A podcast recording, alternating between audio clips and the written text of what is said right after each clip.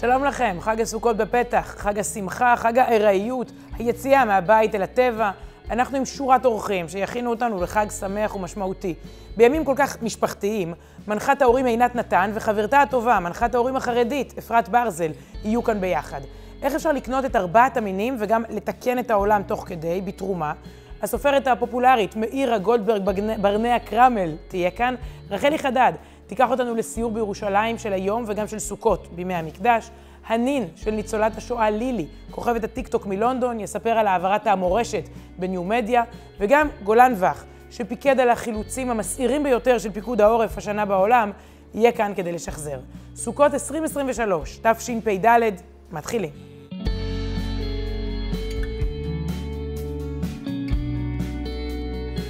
מצטרפות אלינו עינת נתן, צריך להציג, מנחת ההורים, ואפרת ברזל, יועצת רגשית, אשת תקשורת, חרדית, שלום לשתיכן. היי. אפרת, קודם כל מדריך מקוצר לחג הסוכות, עוד מעט נדבר על הקשר ביניכם ואיך אתן מחנכות את ילדי כל המגזרים, אבל uh, אני רוצה קודם כל הסבר מקוצר לחג הסוכות שלפנינו.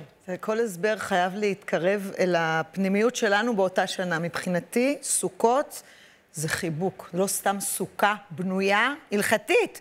משתי דפנות ועוד איזה שפיץ קטן, וואו. חיבוק של אהבת בורא עולם אלינו בביחד שלנו. שבו שם שבעה ימים ותרגישו מה עושה הביחד הזה. מקסים. אוקיי, ושנייה לפני שניכנס אל הסוכה, או שבעצם אתם כבר פחות או יותר ארבעת המינים שמחוברים אה, ביחד, אה, זה, זה לא איזה קלישאה כזאת, אנחנו ידידות, מחליפות וואטסאפים מדי פעם, מתראיינות, ממש חברות, חברות נפש?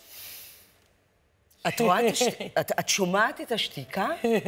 זה משלימות זו את משפטיה של זו ללא מילים. וואו, איזה כיף. כבר המון שנים. יותר משלושים, כן. נכון? כן. אין, אנחנו, כשאנחנו נפגשות, אז קודם כל זה מלל, תמיד עם פיג'מה, אגב. מי שלא נפגשת עם חברה שלה בפיג'מה, לא נפגשת עם חברה שלה. וואו, אוקיי. אה, ושתיכן גם פחות או יותר בתחומים מאוד מאוד משיקים של, של חינוך. אנחנו בחג סופר משפחתי. בואו, זה חודש שיכול להיות משפחה גרעינית, יכול להיות פיצוץ גרעיני. תני לנו קצת את הכלים שלך, עינת, אה, לתקופה הזו. נראה לי שכל חג הוא פוטנציאל לפיצוץ גרעיני, לא? תראי, גם כל השכבה לישון וכל השכמה בבוקר, כל סנדוויץ' ב... זה, זה, זה הכל עניין של אחד, כמה המיכל שלנו כהורים מלא. Mm. אה, אני חושבת שצריך לקחת את זה בחשבון, כי יש המון הורים שמתאבדים על ארוחת החג, או מתאבדים על הנראות, או מתאבדים על אלפיים דברים בדרך, ו... וזה מבזבז אנרגיות. וואו. אני אומרת, אה, בואו נברך את הבלגן קצת, ואולי את הארוחה קצת פחות מושלמת וייצוגית, כדי להשאיר קצת כוח או אוויר במיכל, לשחרר לילדים להיות ילדים. כי בסוף יש איזו ציפייה שהילדים שלנו, לא משנה בני כמה הם, הם יראו, הם יתחשבו, הם יוקירו תודה, הם ישלחו פרחים והם גם יעזרו. בול. לא מכירה את הבית שבו זה, זה הולך בכל רגע נתון. וגם לא לפספס את הרגעים הקטנים שבהם זה הולך. זה חסד. יפה. תראי, בתור אחת שבאולפנים בערב חג, לקדש את הבלגן, אהבתי. כלומר, אה, אפרת? אני חושבת שמעבר להלכות, אני מדברת למגזר שלי, אולי בכלל לבני אדם, כל הנושא הזה של מסורת חגים בבית, זה עושה מין כזאת גאוות יחידה של עצמנו. נכון. נגיד, כל שנה יש לנו איזה קו, הייתי בסוכה שלכם אגב, יש להם סוכה, אבל אה, אה, קו של איזה צבע השנה אנחנו עושים את הסוכה, או איזה קו השנה אנחנו עושים את הסגנון קישוטים, ואז הן מתאימות את זה, הבנות אצלי, למפה ולבנטינג, בנטינג זה כאלה... רגע, רגע, לא, אבל אתם, את אולי אימא מושלמת, אני, אני מעינת, אני רוצה לקדש את הבלגן, לא להתחיל לפרויקט... אני גם, לקבל החלטה איזה קו אצלי בבית. שימי על זה קו, אה, אין יכולת. מי שבא לה וכיף לה וטוב לה לבחור צבעים, אבל בואי, נסתפק... חייבת שאני אוהבת את הסוכה, חייבת להיות בתוך הטוב טעם של עצמי. אבל, בתוך זה מלא פשלות. אבל תראי את הקטע. בסוף, מה שגורם להורה הנאה, עובר הלאה, מתגלץ'. מה שאנחנו עושים בכוח, כי צריך, כי זה האימא טובה, כי זה המשפחה המוש... זה, זה לא עובר. הילדים יש להם נייר לקמוס לאמת ולהנאה. הבנת מה שהיא אמרה פה עכשיו? כן, הבנת? כן. כי כשמאיה וליבי ושראל קולטות שהתחברתי לסוכה בקטע של עכשיו טוב טעם, אז כל החג נראה אחרת, כי אמא התחברה, אנחנו הכי חשובות בעולם. מה את צוחקת? כי זה ככה, כן. כי זה ככה. אה, אקטואליה, אתם גם מדברות חדשות? זה נכנס או שאתם אה, באידיליה? בנות ביחד? לא תכננו. בחיים לא. זה מבזבז את הזמן. משעמם. שום דבר? מה שנה? האחרונה אתם ב... ממש לא. בחברות ממש לא. האינטימית הזאת. זה לא שאנחנו לא נפגשות ומדברות, אנחנו, כן. אנחנו טוחנות הכל, בחיים על הגלינץ כזה. אני חושבת בכלל... ממש סליחה ש- ששאלתי, מה אני אגיד? לא, אני חושבת שבכלל אקטואליה זה משהו שהוא... הוא שיחה של אנשים אה, שהם במעגל קצת יותר רחוק. תנסי לחשוב על מישהו שהוא נורא נורא קרוב אלייך. מדברת איתו על. אקטואליה? מעניין, אוקיי, מעניין. משאירות לי הרבה, הרבה חומר למחשבה, ואיפה כן השוני ביניכם בא, בא לידי ביטוי, או, ש, או שזה מתברך הקשר הזה? נגיד, את יכולה לצטט רעיונות של אפרת פתאום אצלך, בתוכניות, בספר, בפודקאסט, ולהפך, זה, זה... בסוף אתן מתעסקות בחינוך ילדים, אבל בעולמות uh, קצת שונים. אני חושבת שאנחנו מדברות את אותו דיבור, זה אפילו אין על זה תווית של מי זה. זה, זה, זה שלי וזה שלה וזה שלנו, וזה אגב מעולם לא היה שלנו, ו, וזה בעיקר נועד לצאת ולעשות לאנשים קצת הקלה. וואו. נראה רגע קטע, אה, מבחן ההורות הגדול, את אה, בפריים טיים, כתבה על אה, חלק מהמהפכה שאת עושה, אפרת, במגזר החרדי. אני זכיתי לעשות את הכתבה הזאת על התוכנית פתוח, שפותחת נושאים שהיו סגורים בעבר. נציץ קצת ל- לאג'נדה של כל אחת, הנה. ברוכים הבאים לבית משפחת ברזל בבני ברק. בית, פעם בחודש הוא הופך לאולפן צילומים. הסלון הוא חדר האיפור, המרתף הוא הסט, והתוכן שיוצא מכאן משנה את השיח בתוך העולם החרדי. אחרי הפרק הזה אתם מתחתנות. יאללה. ואז כבר לא יהיה מה לשדר. לו יהי. כאילו. התראיינתי אצל ברזל ונושע. זו לדוגמה תוכנית על רווקות חרדיות מבוגרות. מה נמאס להרגיש כבר? המסכנה הזאת, זאתי שמסתכלים עליה, שהולכים לחתונה, אחיינים שהתחתנו, ולהגיע לחתונה, והנה זאת שאלה. גישות שבחברה, פש פש פש פש פש פש. בטח. יש, היא בעייתית. בטח, אני הולכת ומבקשת סליחה, כאילו, רנדומלית, מאנשים ברחוב, סליחה, אני מתנצלת ש...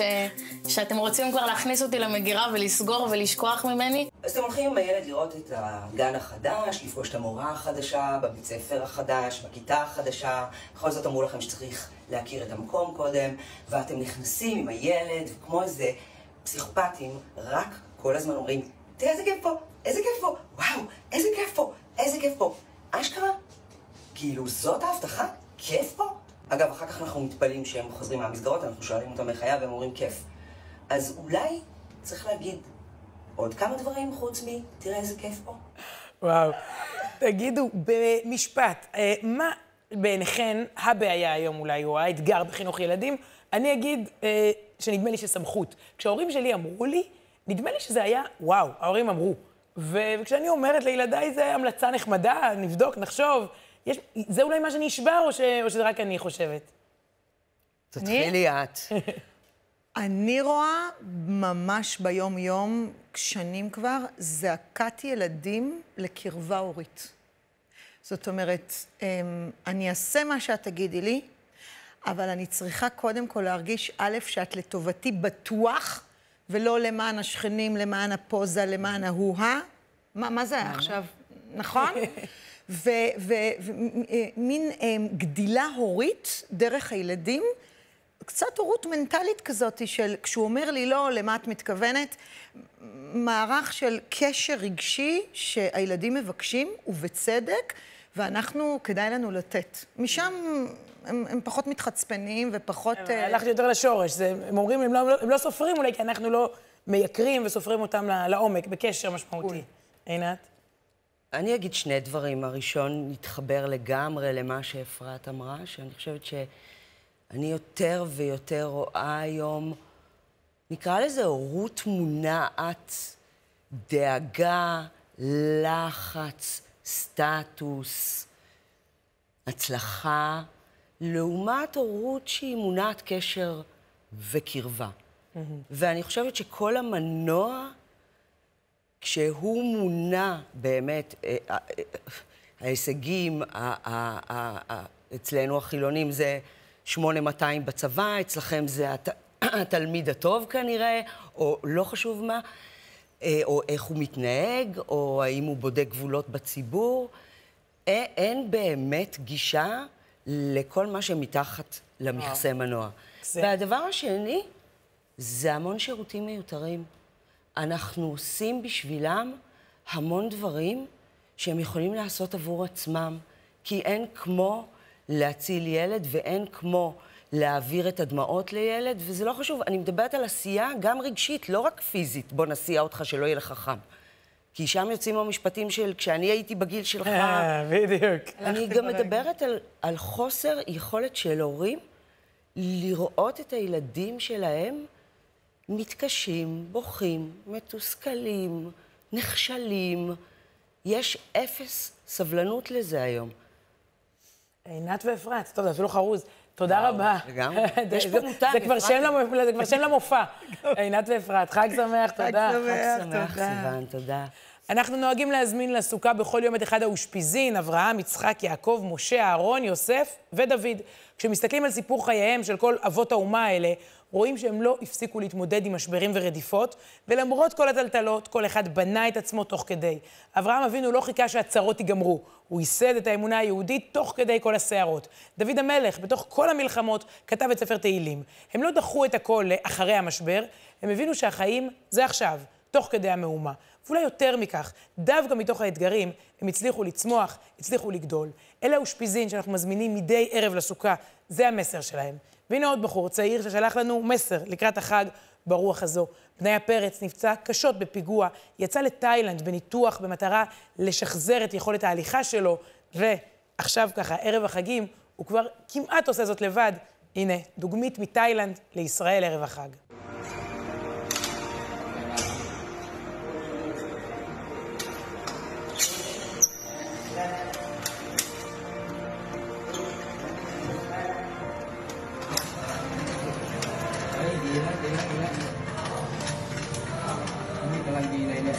רפואה שלמה לבניה פרץ. נגיד עכשיו שלום לעזריאל דותן, ממקימי המיזם נתינת לולב. שלום. אהלן.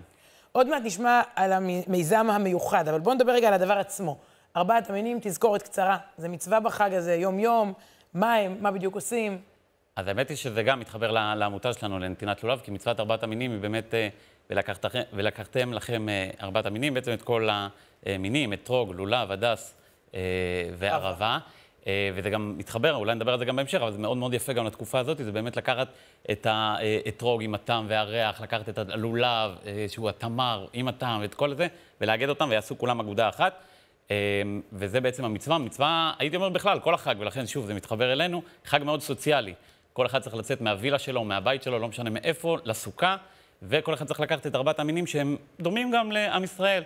עם הטעם, בלי הטעם, תומך ברפורמה, לא תומך ברפורמה, לא משנה מה, לאגד את כולם לאגודה אחת, ובעצם זו המצווה, וליטול אותם כל בוקר כמובן. אוקיי, אז תראה, אלפי שנים מאז שכתוב בתורה על חג הסוכות, אלפי שנים יהודים עושים את זה. הולכים, קונים ארבעת המינים, ומשפחה ככה סביב ארבעת המינים בסוכה. אתם באתם וחידשתם. בואו, אפשר לעשות מצווה גוררת מצווה. נכון. גם ארבעת המינים וגם על הדרך לעשות טוב. אז זה באמת, זה, זה המוטו, מצווה גוררת מצווה, שתיים במחיר אחד אפילו. אה. אה, היום אתה רוכש, נכנס לאתר, רוכש, אה, בעצם כל זה מהפכני, כמו שאת אומרת. אה, אם לא לרדת לשווקים, היום אתה נכנס למחשב, אה, מקיש נתינת לולב, נכנס, בוחר לך איזה סט שאתה רוצה, הסטים הם במחירי השוק. אה, לאחר מכן אתה בוחר לאיזו עמותה לתרום, ופה באמת הגימיק הגדול, נקרא לזה ככה. אתה יכול לבחור לאיזו עמותה לתרום. יש מעל 130 עמותות, מגוון רחב, שמחה לילד, מתנת חיים. כל עמותה שתרצי בעצם כמעט נמצאת שם. לאחר מכן אתה בוחר לאיזו, מהיכן אתה אוסף את הסט. אה, ועל הדרך אתה יכול גם פדיון כפרות, אז הוספנו עוד מצווה, גוררת מצווה, גוררת מצווה, גוררת מצווה, ואתה יכול גם לתרום אגב סט לנזקקים. שגם את זה אנחנו מחלקים, שנה שעברה אה, השגנו מעל 3,500 סטים לנזקקים. וואו, כלומר בן אדם בא, קונה ארבעת המינים, וקונה גם אחד למי שקשה לו. קונה לאחד, נכון, ואנחנו באמת מחלקים להם את זה, מגיעים אלינו, אה, מקבלים את זה, אה, עולים אה, אה, מאוקראינה ומכל מיני מקומות, ואנחנו עם המון המון עמותות שעוזרות לנו גם בחלוקה הזאת, אה, ואז ספרתי פה איזה ארבע מצוות נראה לי בקליק אחד. אה, וזה באמת מהפכני, ואת צודקת גם, זה באמת משהו שהוא משנה. אולי מהקורונה זה כבר אנחנו רגילים, אבל אבל תקחי את אמזון, אלי אקספרס, כל הדברים האלה שינו לנו תודעה. גם ארבעת המינים ניתן לקנות דרך האינטרנט, אז זה דבר זהו, מהפכני. בדיוק חשבתי אמזון, יש משהו בללכת, להריח, לגעת, עם הילדים בוודאי, מצווה ויזואלית, אני לא רוצה להזמין אותה בקליק. אומרים לך את זה? אומרים לנו את זה, אה, וזה באמת גם, יש אוכלוסיות שאולי זה לא מתאים להן, וזה גם בסדר, אנחנו ממש משתדלים רק להרבות טוב ולעשות טוב. מה שכן אה, אה, יש לנו זה בעצם 700 נקודות חלוקה, רק כדי להבין מה זה 700 נקודות חלוקה ברחבי הארץ, זה בעצם משפחות. כל המיזם הזה הוא בהתנדבות מלאה. זהו, זה לא, הכל, הכל. רציתי להגיד, זה לא עבודה שלך, אתה... לא, לא, לא. אני, יותר מזה אני אגיד, ה-700 משפחות האלה, נקודות החלוקה, זה, זה דבר מדהים. זה משפחות שפותחות ערב החג, בעצם כדי לבוא לקחת את ארבעת המינים, זה ממש ערב חג. המקררים שלהם מפוצצים בערבות והדסים שהם מקבלים. וואו. זה דבר מטורף, זה 700 משפחות שעושות את זה בהתנדבות, לא מכירות אותנו, מוכנות לפתוח את הבית שלהם. וגם שם יש את, ה, את הכיף הזה, כי בעצם מגיעות משפחות. אני אספר לך עצמי, גרתי בתל אביב. היינו אה, אה, תחנת חלוקה, אשתי יותר נכון, כי אני באמת בעמותה בזמן הזה. ומגיעים אנשים שאתה לא מכיר, מגיעים שכנים שאתה לא מכיר, אנשים דתיים, לא דתיים, אנשים ששמעו על זה מהפייסבוק, ובאים, וזה זה גם יוצר איזה משהו יפה. כן. גם זה ארבעת המינים. גם זה ארבעת המינים, ויוצר אצלך בבית. וזה אתה וחברים מקימים את הרעיון הזה לפני כעשור. נכון. כמה כסף מאז נתרם באמצעותכם? אמ, שנה שעברה הייתה השנה הגדולה ביותר, הגענו ל-2.4 מיליון שקלים שנתרמו. למעל 130 עמותות. אה, בעשור האחרון, מעל 10 מיליון אה, שקלים שמועברים ל... מעל עשרה מיליון, מדהים. מעל. והגעתם לזה כי עבדתם בשוק הזה, שהוא לפעמים קצת שחור וקצת אה, עושים בו רווחים אולי אה, מוגזמים. הרגשתם שמשהו בתעשייה לא תמיד מתנהל באופן הכי כשר?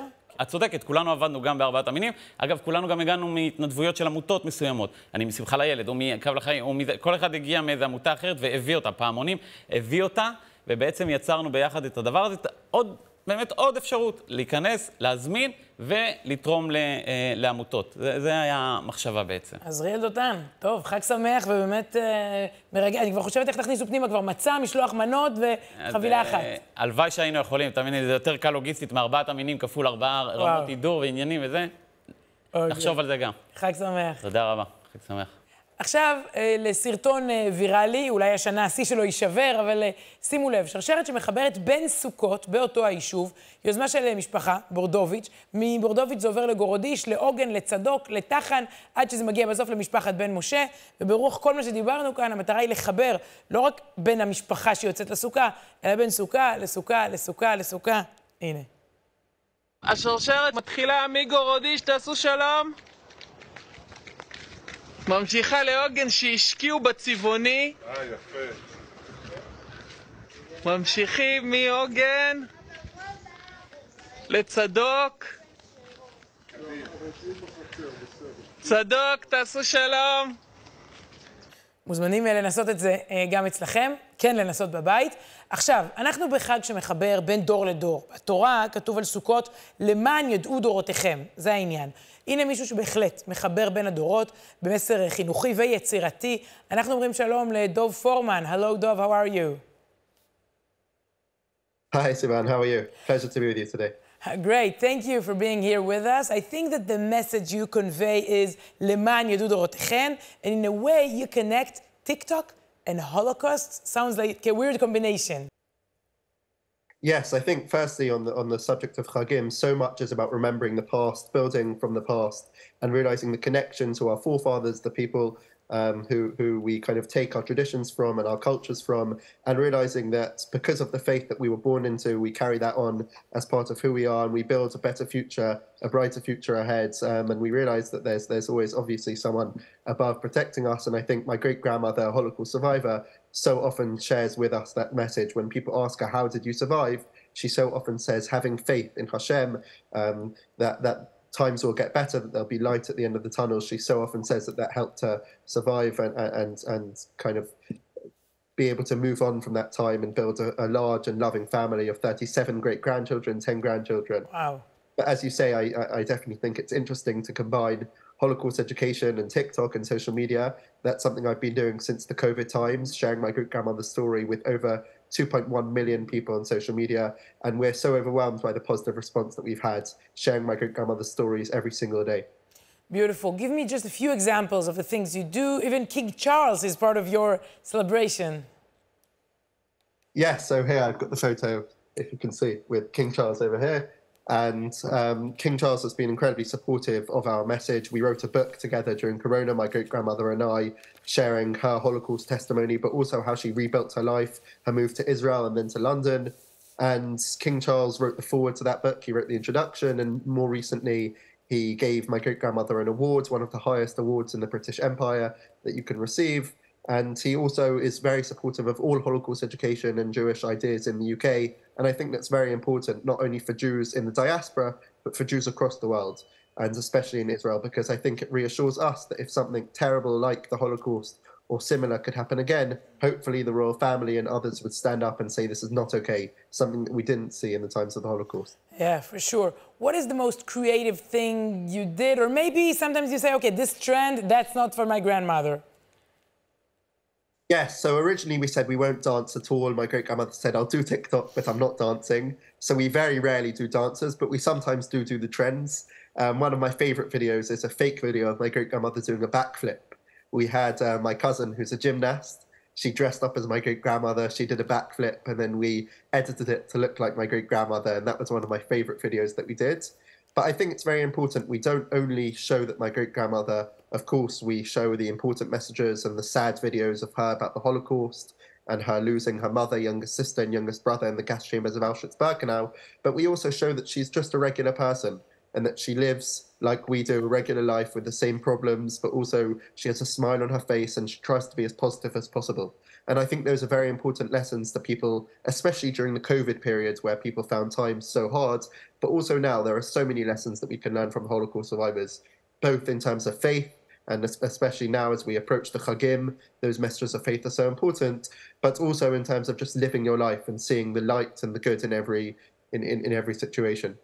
Here's one example. Your grandmother, Lily, she answers on TikTok. People ask questions, and she uh, describes the menu in Auschwitz.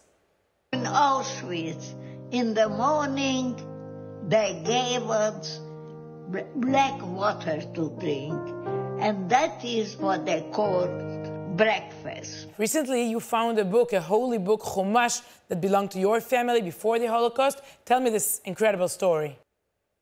So recently, I went to Hungary to pick up, as you say, Chumash, a Chumash Shmot, um, that belonged to my great grandmother's youngest brother, Bela Engelman. He was 13 when he was murdered in Auschwitz-Birkenau, and there's no photo of him, there's no grave, there's no birth certificate, no death certificate only this book, only this Chumash, which has his name and signature inside, both in Hebrew and in Hungarian, Ben Sion Engelman. And this is the only link, the only tangible evidence that my great grandmother has to his existence. All else that she had was in her head, her memory. And a few months ago, an antique collector reached out to me on TikTok, on Twitter, to say that he had he thinks that his father, who was also an antique collector, might have some books from the town where my great grandmother lived and grew up, Bonyard, in in South Hungary and it was a very Jewish town, so it, we thought this probably could be that he might have a, a book from my great grandmother's family. And a few weeks later, he got back in touch and said, I've looked through the books and I've seen your family's name in one of the books, Family Engelman. And he sent me a picture, and straight away I realized, wow, this is a Chumash. We have to go and get this. And we went and we picked up the book, and it was my great grandmother's youngest brother's book. But what's also incredible is there were about a hundred other chumashim and sidurim and, and so many other uh, so many other artifacts and Jewish documents too. It's like we found the Gnizah of Bonyard.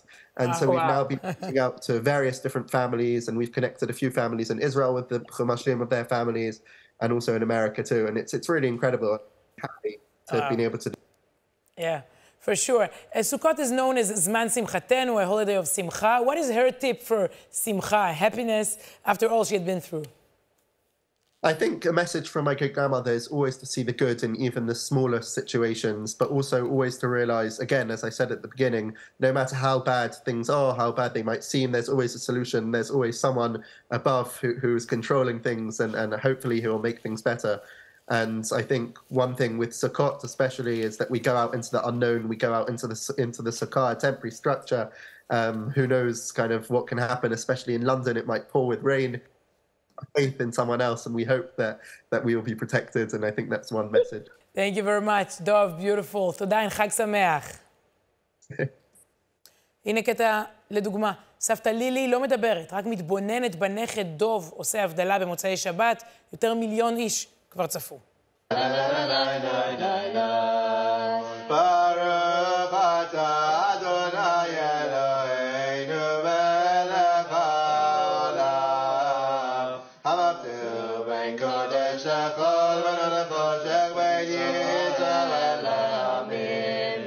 מצטרפת אלינו מאירה גולדברג ברנע, סופרת, מחברת סדרת קרמל, שלום לך. מה המצב? ברוך השם, מגיע קודם כל מזל טוב, נכון? תודה, כן, ערב סוכות, יום הולדת.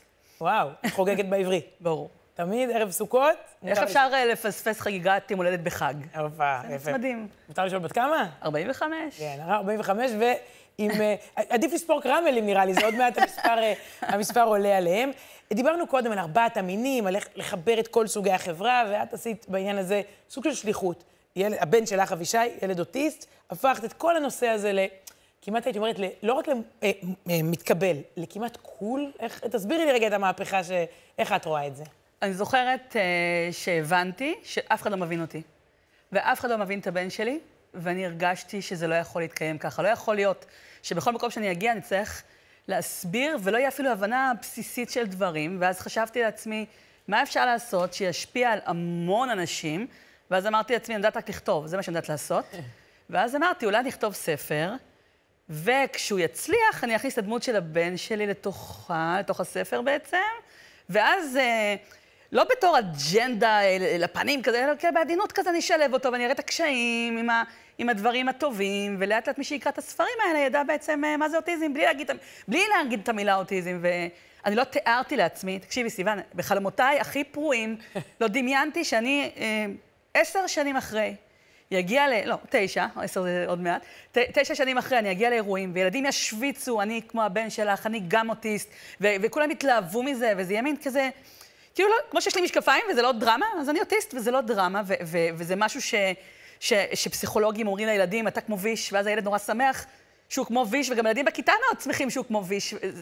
ברור שזה לא מושלם עדיין, ב- ב- אבל, אבל באוכלוסיות שלמות הדמות הזאת פשוט הפכה ל- למילת קסם, להבנה ולהכלה ול- ולפתיחות, ולדעת שאוטיסט לא, זאת לא קללה. אה, וזה משהו שאני פשוט, לפעמים יושבת בלילה ופשוט גאה בעצמי. אני, אני, אני מקבלת גם את המכתבים מההורים, ואני לפעמים פשוט בוכה. כמעט כל לילה אני אה, פשוט בוכה ממכתבים ומילדים שמדברים איתי, ואיך אתה תכתוב עליי. אה, את מכניסה אותם לתוך הראש שהוא מה? בעצם, מה, נכנסת לתוך הראש של אבישי, שהוא גאון אבל לא מבין פתאום סיטואציה חברתית, או הוא נורא מצחיק או נורא חכם, אבל פתאום, איך, כי הדמות של וישי ככה, היא באמת מכניסה אותך לתוך ראש של, של ילד אותי. לי, לי קרה נס.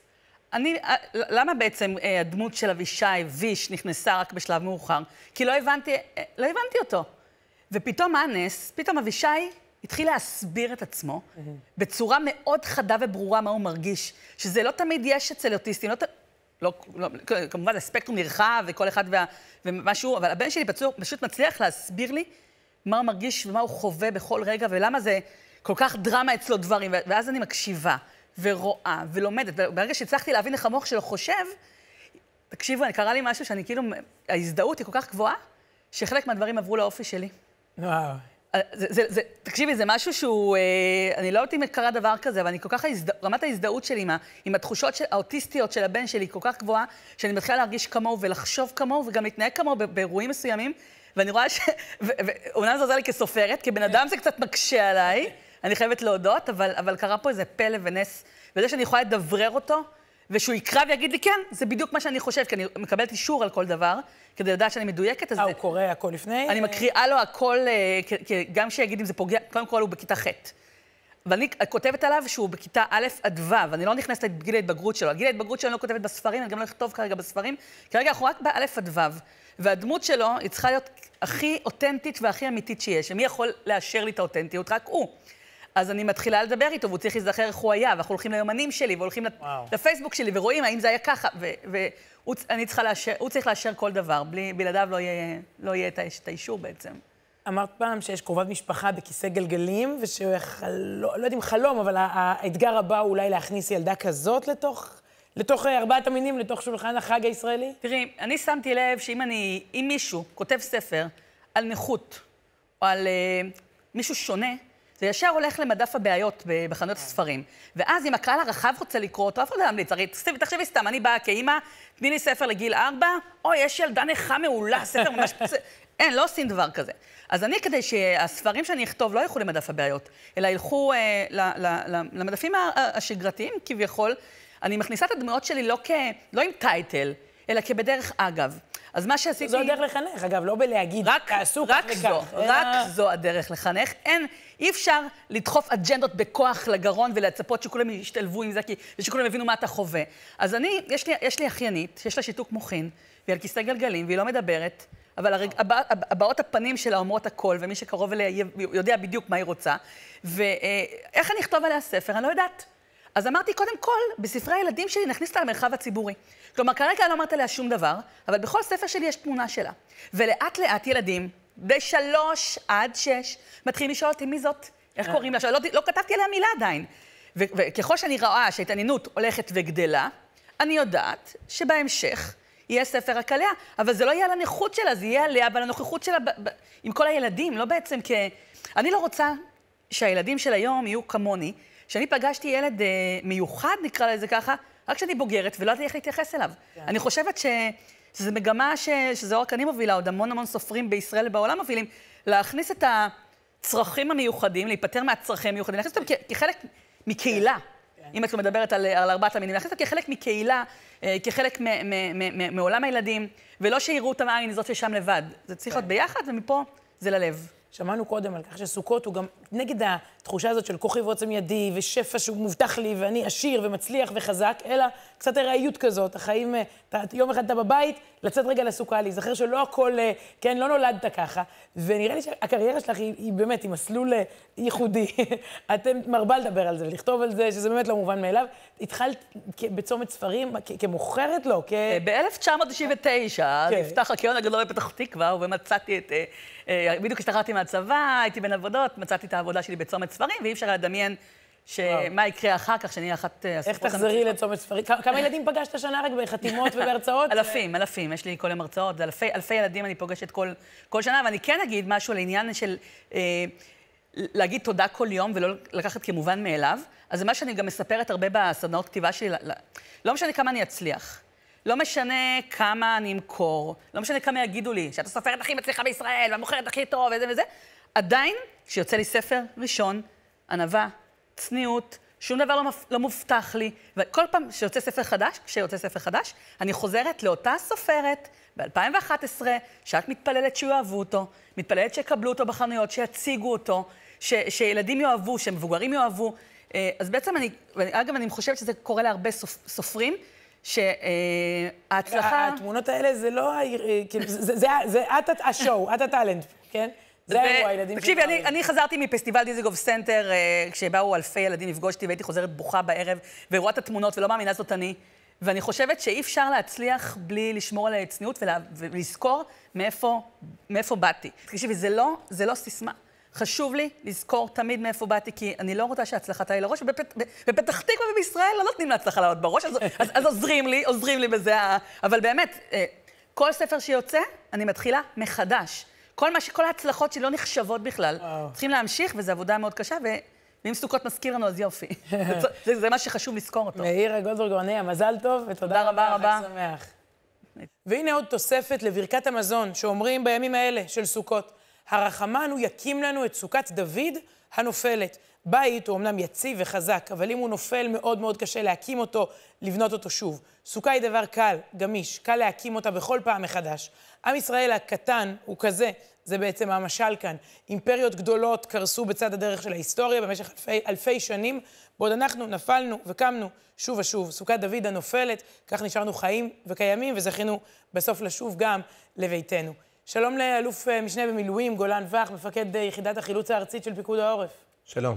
זה קשור מאוד, השיחה שלנו, למה שאמרתי עכשיו, כי הרבה מאוד אנשים באמת בטוחים בביתם, מרגישים שהוא יציב, עד שזה קורס, עד שהארעיות פתאום משתלטת, ואז אתם מגיעים לשם לאזורי אסון. קח אותי ככה בשנה האחרונה לפעילות השיא שלכם, כשהבית אינו בית יותר. בשנה האחרונה היינו בטורקיה, חזרנו לפני שמונה חודשים, ואנחנו מגיעים לעיר שמיליון נקודה שתיים אזרחים הלכו לישון בשעה ארבע ושש עשרה בבוקר, בשעה ארבע ושבע עשרה היו כבר ארבעים אלף אנשים הרוגים בעיר. וואו. ופיקוד העורף, שוב, חלק מגיעות הרבה משלחות, הרבה מדינות, איכשהו תמיד משלחת שלנו גם זוכה להתבלט לטובה. ספר לי קצת אה, על הפעילות שם. בטורקיה אנחנו היינו אחת מתוך 34 משלחות בינלאומיות שהגיעו. וכמות החילוצים שהמשלחת הישראלית חילצה, אנשים חיים, היא הגבוהה ביותר. 19 אל מול, אל מול ממוצע של 4.9 של יתר המשלחות. אני חושב שזה קשור ל-DNA הישראלי, שהוא, אה, יש בו גם צד אחד שהוא מאוד מאוד ערכי, חותר להציל חיים, וגם ה-DNA הישראלי המאוד מאוד מוצלח, הטכנולוגי, שיורד לפרטים, שהוא חדור מטרה, ואלו התוצאות. ואתם לפעמים נלחמים שעות על חיים של אדם אחד, שהוא בין חיים למוות, בין ההריסות, ואז יש את הרגע הזה שבו הוא, הוא יוצא, בזכותכם, אה, מתוך האפר והכלום שם. אה, אלה רגעי השיא, בשביל זה אתם עושים את זה? אלו רגעי השיא בוודאי. אנחנו נלחמים להציל חיים. יש ערך גם בלהציל אנשים או להוציא אנשים שאינם בחיים, אבל אני לוקח את החיילים והחיילות, המחלצים והמחלצות, שהיו במשלחת הישראלית, שעבדו לפעמים שבע, שמונה שעות על בן אדם. את הילד האחרון הוצאנו אחרי 30 שעות עבודה. וואו. אני רגע מכניס אותך פנימה. זאת מנהרה, שהייתה פעם חדר שינה וקומה שלמה. של 22 מטר שאתה זוחל מתחת לפני האדמה, חווה תוך כדי רעידות משנה, שומע קול של ילד ועובד במשך 30 שעות כדי להוציא אותו החוצה, ככה זה נראה. הנה דברים שאמרת כשחזרתם מהמסע הזה לטורקיה. המטבע הזה. ערב שבת האחרון היינו בסיומו של חילוץ שארך 30 שעות, של ילד בן תשע. הצוות של אמיר הוביל את החילוץ, ובקצה היה פרמדיק. הייתי לידו כשהוא פינה את גושי הבטון שכיסו את הילד וניגש לטפל בו. אני מכיר את הפרמדיק הזה, חייל שלנו, שאיבד את הבת שלו בתאונה לפני שנתיים. כשהוא ליטף ברכות את השיער של הילד הלכוד, וכשהוא החדיר לו אינפוזיה בווריד, בווריד הקטן של הזרת פה, הוא הרגיע אותו. כשחולץ הילד מסבך הברזל והבטון ויצא לאוויר העולם, לחיבוק גדול, היו דמעות בעיניים של כולנו. כשיצאנו מהמנהרה, ניגש הדוד של הילד לאותו פרמדיק ונתן לו מטבע. זה מטבע פשוט, הוא לא שווה הרבה כסף. אבל על פי ההסבר שלו, המנהג המקומי שם הוא לתת את המטבע הזה לאישה יולדת. אבל כשהלידה היא לידה קשה, מעניקים אותו למיילדת. וואו, ואתם המיילדים. אני לוקחת אותך מסע אחד אחורה, משלחת למיאמי, גם שם, אה, וזה יכול לקרות בטורקיה, זה יכול לקרות במיאמי. האמת שזה יכול לקרות גם בחג, אתם תמיד נכונים להקפצה ואתה אף פעם גם לא יודע לאן. הנה הדרך בה נפרדו מכם במיאמי אחרי באמת פעילות חילוץ אה, מרשימה מאוד אה, גם שם.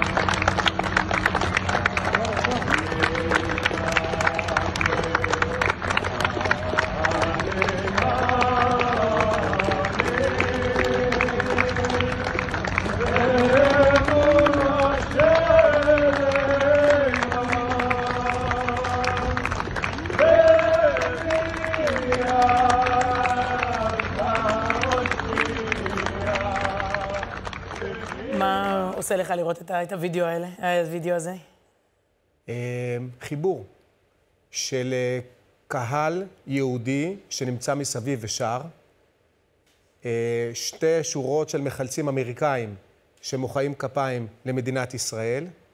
החיבור הזה של מדינת ישראל שנוסעת למרכז אמריקה ונפגשת שם עם קהילות יהודיות שכל כך ציפו שנגיע, ואל מול מחלצים אמריקאים שלא ידעו כל כך איך לקבל משלחת ישראלית שמגיעה לעזור.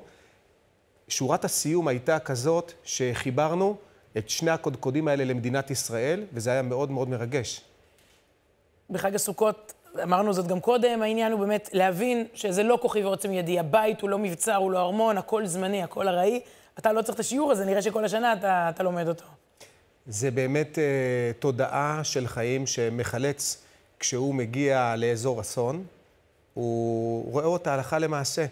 אנשים שרק לפני רגע שכבו במיטתם, ויש להם הכל, את המזגן, ואת השעון מעורר, ואת היומן ליד המיטה. אנחנו רואים את כל הסימנים הקטנים האלה שמראים שזה היה הממלכה שלך. ואתה פתאום מגיע אליהם לרגע שבו הם חשופים לחלוטין, נטולי כל עזרה, חסרי ישע, תלויים בך, בעצם בעצם באיזשהו כוח שיביא דווקא אותך אליהם. אה, לנו זה שיעור מאוד מאוד גדול. העולם שלנו יכול להסתיים כל רגע. הפאסון שלנו, המעמד שלנו, היכולות שלנו, הם כסות. והפוך, הם יכולת שלנו לפעול בעולם. אם אנחנו נפנים את זה, וכמו שאמרת, חג הסוכות הוא הזדמנות נהדרת להטמעת הארעיות שיש לנו בעולם. וכשאתה לא במילואים, ואנחנו מאחלים לך, מה, לאחל לך כמה שפחות, נכון? יציאות לכאלה מבצעים, נכון. כמה שפחות. אתה מתעסק בתחום אה, חיובי אחר, עלייה. תחום העלייה, אגב, מתקשר לפסוק שאמרת קודם, סוכת דוד הנופלת, מספר עמוס, וכשהוא אומר אה, שהוא מקים את סוכת דוד הנופלת, ההמשך שלו זה ושבתי את שבות עמי ישראל. זה חג הסוכות, שבעצם כל מה שנהרס מוקם. אה, אני באמת לקחתי על עצמי יעד מאוד גדול, שאפתני, יחד עם אה, אבא, אה, להחזיר כמה שיותר משפחות יהודיות לארץ, ולאפשר להם לבנות את החיים שלהם מחדש פה בישראל. וזה אתם עושים בצורה קהילתית, לא להעלות משפחה-משפחה, מה שלפעמים נכשל, נופלים בין הכיסאות, לקחת קהילות ולהביא אותם לארץ. קהילות, או להפוך משפחות לקבוצה. אני חושב שהחידוש הגדול הוא לאו דווקא בלהביא אותם כקבוצה, אלא בעצם זה שקהילות בישראל מוכנות ומתכוננות לקראת הקליטה. קליטה, כשהקהילה בארץ מוכנה לקראתה, נראית קליטה אחרת לחלוטין. אלוף משנה במילואים גולן ואך, תודה רבה וחג שמח, בלי שום הקפצות, אה, בשקט עם המשפחה בסוכה. חג שמח. אימא מניו יורק סיפרה לי פעם שהיא הגיעה עם הילדים שלה לישראל, לשוק מחנה יהודה. הם ראו אבטיח ושאלו מה זה. הם רגילים לקבל אותו פרוס וחתוך, ככה הוא נמכר שם, מוכן לאכילה. אפשר לנחש שתוך כמה זמן זה יהיה ככה גם אצלנו. העולם הופך לנוח, למקולף, טכנולוגי, סטרילי. וזה בעצם הסוד של חג הסוכות. להיכנס לסוכה, להחזיק את ארבעת המינים, שתי המצוות המרכזיות בחג הזה, במובן מסוים זהו מעשה חתרני מאוד, שאפשר לעשות בעידן הסלולרי, הטכנולוגי. עבור רבים, ביניהם אני, הסוכה היא המפגש השנתי עם הדשא והשמש והירח, גם עם הנמלים והזבובים. זאת לא אפליקציה, זה הדבר עצמו. צריך להריח את האתרוג, ממש להריח. להסתכל מקרוב על הענפים של ההדס, וגם בתוך הסוכה. להרים ראש למעלה, לבדוק אם יש יותר צל או יותר שמש. אחת השאלות המפורסמות של רבי נחמן מברסלב לחסידים שלו, שהיו טרודים במסחר ובעסקים, הייתה השאלה הבאה: האם הסתכלת היום אל השמיים? אז בסוכות התשובה שלנו היא כן, לא שוכחים להסתכל. מצטרפת אלינו מישהי שתסתכל איתנו אלפיים שנה אחורה. רחלי חדד, מנהלת ההדרכה בקרן למורשת הכותל, שלום. שלום, שלום, איזה כיף להגיע לכאן. אז תודה רבה מראש על הסיור שאת הולכת להתחיל כרגע. סיור אל, לא סוכות בימינו, אלא בימי המקדש. בימי המקדש, נכון. איזה חג של אור, של שמחה. היה חג הסוכות בירושלים. אחרי הימים הנוראים, ראש השנה, יום כיפור, שבהם התכנסנו פנימה, הגיע הזמן לשמוח. חג הסוכות נקרא גם חג האסיף, אחרי ש... אפשר סוף סוף לאסוף את התבואה. אחרי עמל של מספר חודשים, אין דאגות נפשיות, וזה מה שהיה בירושלים בימי המקדש. עולי הרגלים היו מגיעים אל העיר בשיירות שיירות, מתכנסים והולכים בשירה אל עיר, עיר הקודש. אנשי ירושלים היו יוצאים לפניהם ומברכים אותם. אני כירושלמית, תמיד אני אוהבת לקרוא את הקטעים האלה, כי הירושלמים יוצאים לצורך העניין לגשר מיתרים, אבל טוב, אז זה... ומקבלים, מקבלים את עולי הרגלים. שלום, גדרה, חדרה, זהו, בדיוק, מאיפה באתם, חיכינו לכם, וכולם מתכנסים סביב בית המקדש. סוכות סוכות היו נבנות בירושלים על גגות הבתים, בחצרות, כדי שכל עולי הרגלים יוכלו להתארח ויהיה להם מקום, וזה היה זמן שהוא כולו זמן שמחתנו. ככה זה מוגדר, זמן של שמחה ואור. היו יורדים אל מעיין. השילוח לשאוב מים לניסוך המים על המזבח, והשיא של השמחה היה מגיע דווקא לקראת ערב. פרחי הכהונה היו מדליקים אבוקות של אור בירושלים, והשמחה הייתה מתחילה בבית המקדש. הכהנים, הלוויים, עומדים על חמישה עשר המעלות ושרים, וראשי העם, למשל, רבן שמעון בן גמליאל, שהיה לא פחות ולא יותר ראש הסנהדרין, היה רוקד בפני העם באופן כזה מיוחד, שכתוב שהוא היה מחזיק שמונה אבוקות של אש, אף אבוקה לא הייתה נוגעת בחברתה, ותוך כדי אגודליו היו נוגעים ברצפה. זאת אומרת, ריקוד של שמחה, ריקוד של אור, אומרים ש... כל חצרות ירושלים היו מקבלות מהאור שהיה יוצא מבית המקדש. תראי, על זה הביטוי, מי ימים. שלא ראה שמחת בית השואבה, לא ראה לא שמחה. מימיו. אנחנו יכולים רק לדמיין את ה- ממש את כך, הוואו. ובאמת לדמיין את האור הגדול הזה שיצא מבית המקדש לכל העיר, את השמחה, את השמחה בחג, את השמחה במצוות החג, ואת השמחה גם, בדיוק כמו שאמרת, שנושאים עיניים רגע לשמיים. ולמה? כי חג הסוכות הוא החג שבו נידונים על המים, והמים תופסים מקום כל כך מרכזי בחג הזה עם שאיבת המים, שמחת בית השואבה, ואיך אנחנו צריכים לשאוב את המים. כמו שכתוב בספר ישעיהו, ושאבתם מים בששון. אה. זאת אומרת, הכל מתחבר באמת למעין שמחה גדולה בטבע, בחיבור אל הטבע ובאור הגדול שיוצא מירושלים בימי החג. אגב, זה דברים נורא פשוטים, הרי בסוכות אתה בסוף עוזב את הבית, שזה כאילו דבר מובן מאליו, עובר לאיזה סוכה, שאיבת המים, בואי, אתה ביום-יום לא בדיוק מודה על המים, לא מסתכל על היסוד הזה במציאות. באמת שמחה בפשטות. הורים, ילדים, גברים, נשים, כולם עולים ובאיזושהי מס- מסיבה, אבל מאוד מאוד אה, צנועה וככה אמיתית. אה, צנועה אמיתית ומחוברת לטבע, שזה כל כך יפה. החיבור לתבואה, שדיברנו על זה שאספנו, התקווה לשנה מבורכת בגשמים, וכניסה אל החורף באמת מתוך אור גדול. ואת יודעת, סיוון, שאני מגיעה לכותל בחול המועד פעמיים בשנה לברכת כהנים, שקורית בחול המועד, יום שני, ברכת כהנים, אנחנו מחכים לקהל הרחב שיבוא. אני עומדת שם ברחבה, ויש באמת תחושה של חג באוויר. המונים מגיעים מוקדם בבוקר, זה לא פשוט. להגיע, פקקים, חנייה, צועדים לכותל בבגדי חג, ומחכים לרגע הזה שהכוהנים מברכים את העם ברחבה, ושקט במה, שומעים באמת את הברכה עצמה, שכמו אז, כמה היא רלוונטית לנו גם היום, לשאת עיניים ופשוט לבקש, ואני אתמקד ברשותך בשורה האחרונה של הברכה. וישם לך שלום.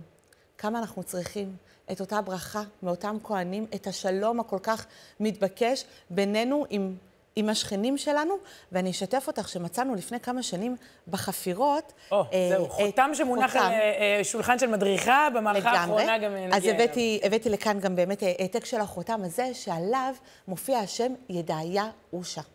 ידעיה היא משפחה של כהנים, משפחה של כהנים שאנחנו מכירים אותה עוד מימי בית ראשון. אנחנו יודעים שזו אחת מארבעת משפחות הכהונה שחזרו לירושלים בימי שיבת ציון אחרי חורבן הבית הראשון ולקראת בניית הבית השני, ואת זה אנחנו מוצאים בחפירות ברחבת הכותל ממש לפני מספר שנים. ואת יודעת, אני ככה אומרת לעצמי, אנחנו אלפיים שנה אחרי, הטקסטים הם אותם טקסטים, המצוות של החג הם אותם המצוות, ירושלים היא ירושלים. הלוואי ונדע לשאת עינינו לשמיים ולדעת לקבל את הברכה הגדולה של החג הזה, את הפשטות, את האור, את השמחה, ופשוט לחיות ביחד בשלום. וואו. את יודעת, הייתי לא, לא מזמן בשבת אה, בכותל, ואני חושבת שיש לנו מה ללמוד מיהודים מהתפוצות שמגיעים. יש להם איזו התלהבות, את יודעת, אנחנו ישראלים, וציניים, ופוליטיקה, ותקשורת וכולי, והם באים באיזו תמימות כזאת, וואו, הכותל, חלקם זה פעם ראשונה בחיים. ממש כך, נכון? ואת כאילו, יודעת... קינאתי בהם. ממש, את אמרת מקודם, מי שלא ראה שמחת בית השואבה, לא ראה שמחה מימיו, ואני אומרת, מי שלא ראה ערב שבת בכותל המערבי, כן. לא ראה מה זה ערב שבת מימיו. זה כל כך מרגש לפגוש את היהודים מהתפוצות, לצד חיילי צה"ל שמגיעים, ותושבי האזור, ובאמת במפגש אנושי כל כך פשוט ואותנטי, נכון. שבאמת, שנדע לשמוח מדהים, ב- כל פעם בדבר אני הזה. באה, ואני לא יודעת מי אני אפגוש. פגשתי קבוצת נשים יהודיות מאוקראינה בפעם האחרונה. לקחו אותם לכמה ימי הפוגה בירושלים. זה היה כל כך מרגש. אתה כל פעם לא, לא יודע איזה לבבות ככה תפגוש ב, ברחבה. אה, רחלי חדד, תודה רבה. אה, תודה חג רבה, שמח. חג שמח. אנחנו סיימנו. ניפגש כאן בעוד שבעה ימים בדיוק, בערב חג שמחת תורה. ועד אז, חג שמח לכולכם. תודה רבה.